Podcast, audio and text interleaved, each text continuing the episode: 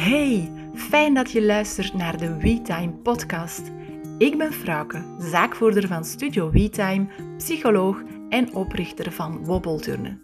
En ik wil je graag met deze podcast een fijn en hopelijk leerrijk MeTime moment bezorgen. Veel luisterplezier! Mama, maak alsjeblieft een koekje. Mama, maak alsjeblieft een beetje chips. Ma, waarom niet?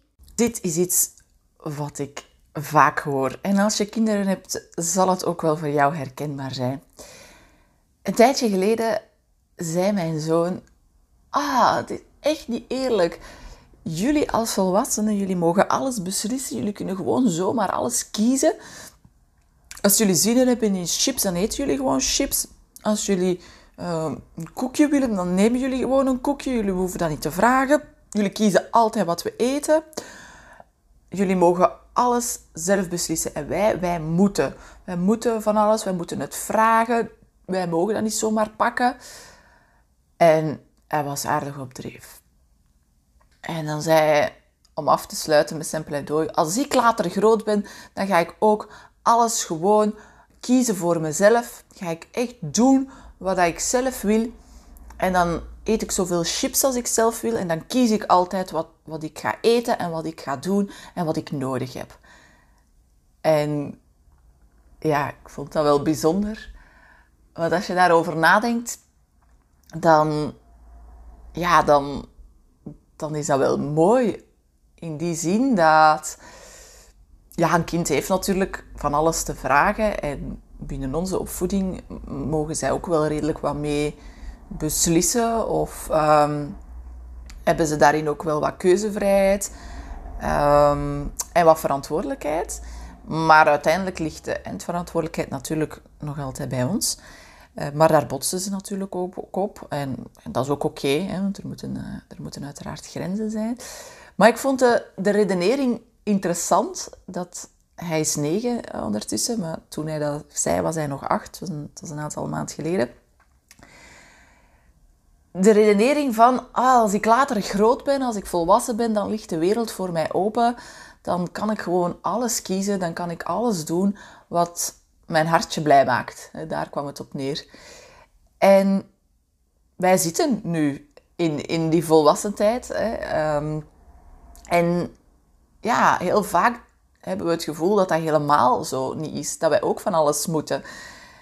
En dan is het wel eens interessant om te kijken van oké, van, van wie moet dat? Hè? Leggen we onszelf dan niet heel vaak op? Of is het misschien onze eigen, um, ja, onze eigen strenge ouderstem uh, die ook tegen onszelf zegt van nee, we gaan uh, maar een half pakje chips eten of we gaan um, nu geen frietjes uh, bestellen we gaan iets gezonds maken. En waarom? Ook daar weer, dat zullen ook goede redenen zijn, omdat je dan denkt van oké, wat is er goed voor mij en wat niet. Maar heel vaak zal dat toch ook zijn vanuit een bepaalde angst. Hè? Angst voor, ja, angst om ziek te worden, angst om financieel er niet te komen. Ik ga dat kleedje niet kopen, want einde van de maand en moet er ook nog iets op de rekening staan om, om andere dingen te betalen, bijvoorbeeld. Dus heel vaak vanuit angst en vanuit tekort denken. En ja, dat maakt natuurlijk dat de, de illusie die mijn zoon nu heeft, dat dat later allemaal hè, gewoon knip, mag alles kiezen en ik kan alles kiezen, ehm, dat hij daar waarschijnlijk een beetje ge, ja, ontgoocheld in, in uh, gaat zijn.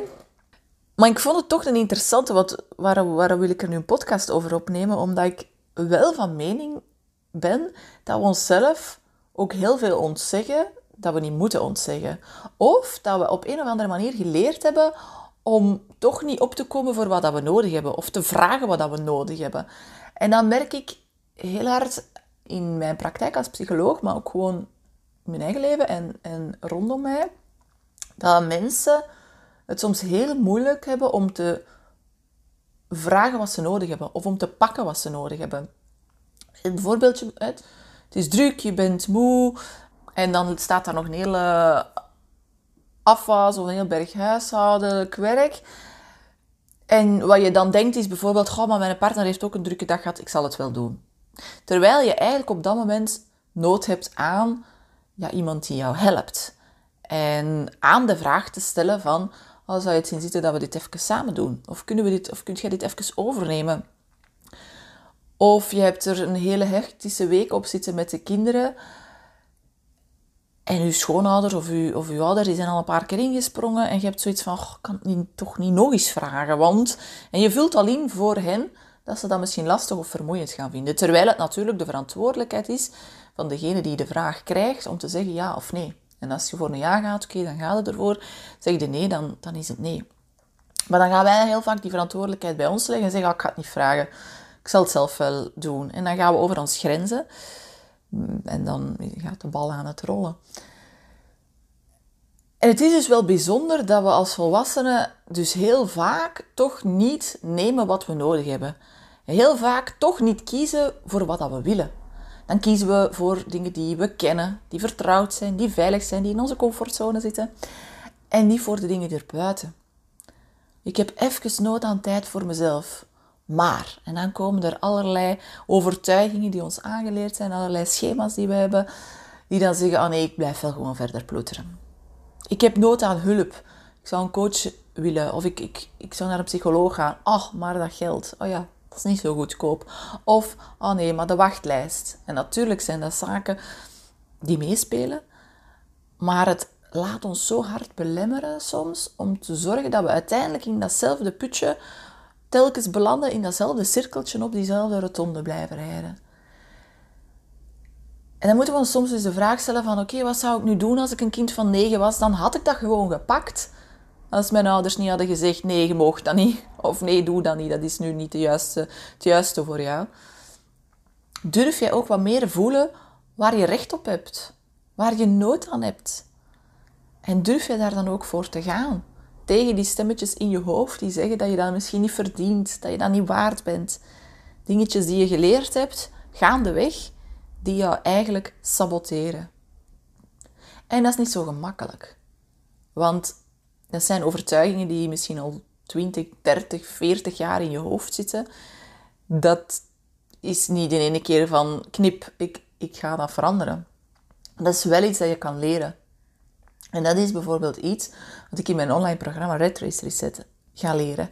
En er zijn we deze week ook iemand van, goh, ik vind, ben er echt zo fan van, van dat programma, omdat het gewoon zo concreet is. Er zijn zoveel echte oefeningen die je gewoon kan toepassen, die je kan gaan doen. Het is niet, het is niet gewoon een beetje praten bij, bij een therapeut, wat natuurlijk ook zeer, held, uh, zeer helpend kan zijn. Maar je kan echt concreet aan de slag tussendoor. Um, als je bijvoorbeeld, eh, die, die, die persoon die ging bij, een, bij een psycholoog uh, en die zei van ja, dat, dat helpt mij wel, maar gewoon om concreet tussendoor ook aan de slag te gaan, vind ik dat, vind ik dat echt fantastisch. Um, omdat ik gewoon, ja, heel veel handvaten krijg in, in het programma. En ik kan het ook doen wanneer ik het, uh, wanneer ik het wil en wanneer ik er nood aan heb. En blijf niet meer gewoon praten of even brieven hoe, hoe dat het gaat. Waarmee ik niet wil zeggen dat als je naar een psycholoog gaat, dat het enige is wat je daar doet. Hè. Normaal niet. Hè. Maar goed, het was wat deze dame me zei. Um, en ja, als jij ook zoiets hebt van, god, potverdikke, ja, ik herken dat wel. Ik vind dat toch ook moeilijk om mezelf dingen te gunnen. Um, of er moet altijd een voorwaarde aan zijn. Als ik dat mij gun, dan moet ik dat in de plaats doen. Of ik ga nu eerst nog extra uh, werk opnemen, want daarna ga ik in verlof. Hè, dan is dat ook weer al zo voorwaardelijk. Hè, alsof dat je dat verlof niet verdient als je niet eerst keihard gewerkt hebt. Als je merkt dat dat echt een valkuil kan zijn, of, of iets is waar je zegt, ja, dat, dat, dat, heb ik het moeilijk mee. Dat zijn een van de dingen die je kan leren in mijn online programma Red Race Reset. En het, de deuren van het programma staan open tot 31 januari 2024. Dus je kan nog instappen dan aan, aan een korting. Echt een zotte korting tot 200 euro. Er zijn twee varianten ook van het programma. Eentje waar je alles gewoon zelf kan doen, dus volledig online.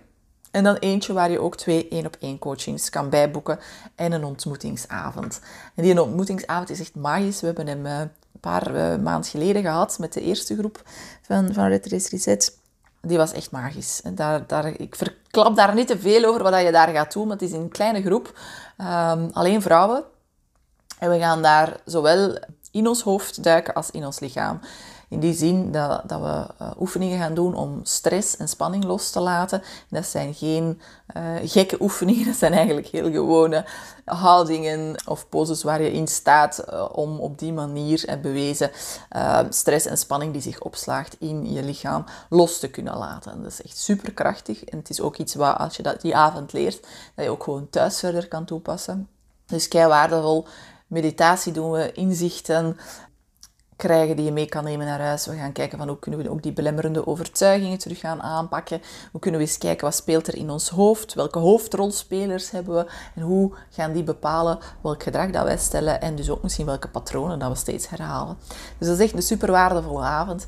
Waar je dan ook kan bij zijn als je het, het, eh, het, pakket pakt uh, waar dat in zit. Als je het online pakket pakt, kan je ook nog bij de avond zijn. Um, maar dat is dan apart bij te boeken later. Nu, Ruiter Reset is meer dan wat ik hier nu vandaag uh, zeg. Het gaat ook over zelfvertrouwen, over uh, perfectionisme, een stukje over durven nee zeggen, uh, opkomen voor je eigen waarden en, en behoeften, die ook leren kennen. Wat, wat zijn die?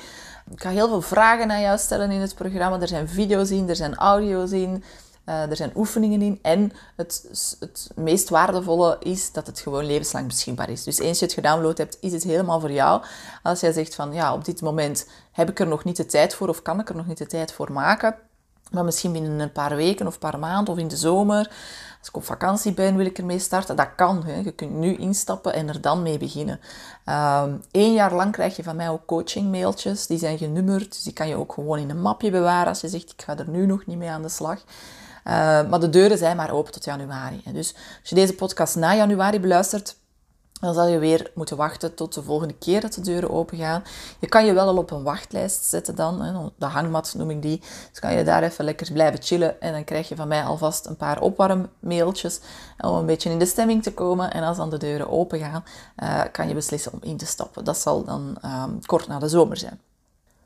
Voilà, dat wou ik zeker meegeven. Dus ja, laat dat even bezinken het eerste deel van, van mijn uh, podcastaflevering. Ga eens kijken van, ah, hoe kan ik dat toch, hè, hoe kan ik daarmee aan de slag? Hoe kan ik daar eens anders naar kijken? Hoe kan ik meer opkomen voor mijn eigen behoeften, voor wat ik nodig heb, zonder mij schuldig te voelen ten opzichte van anderen? En als je zegt, dit kan ik niet alleen, laat je daar ook bij helpen. Want dat is ook vragen wat je nodig hebt, hulp. Zonder te denken, ah nee, ik kan het dan niet alleen, dus dat is zwak of dat is welk oordeel dat je dan ook over jezelf geeft. Dus durf daarmee hulp vragen en dan is Red Racer Set een hele laagdrempelige manier om met jezelf aan de slag te gaan, om aan zelfontwikkeling te doen, om aan zelfgroei te doen um, en aan zelfzorg te doen. Ik ga alles in de show notes zetten, dan uh, de linkjes om te, om te bekijken wat er allemaal in dat programma zit. Uh, om je eventueel op de wachtlijst te zetten of als je het luistert op het moment dat de deuren open zijn, gewoon in te stappen. Ik uh, zou het super fijn vinden. Zijn al een, met een hele leuke groep aan vrouwen die ehm, zijn ingestapt. Dus um, je bent zeker nog welkom van het... Um, het uitgebreide pakket zijn nog zeven plekjes beschikbaar, dus niet zoveel meer. Uh, of zes denk ik zelf maar. Ik zou het eens moeten zien, zes zou kunnen. Um, van het andere, ja, dat is oneindig beperkt, onbeperkt. Dus um, daar, kan je, daar kan je sowieso nog bij. Daar kan nog 100 man in voor 31 januari, zeg maar. Oké, als je er vragen over hebt, stel ze gerust via hallo@studiowetime.be. Uh, kom me volgen op Instagram, op Studio En graag tot de volgende! Fijn dat je de podcast helemaal tot het einde beluisterd hebt. Wil je me een pleziertje doen? Geef dan deze podcast een goede rating in je podcast-app. Hierdoor wordt de podcast beter vindbaar en kan ik nog meer mensen bereiken. De podcast-aflevering delen op je social media is ook super fijn. Tot de volgende!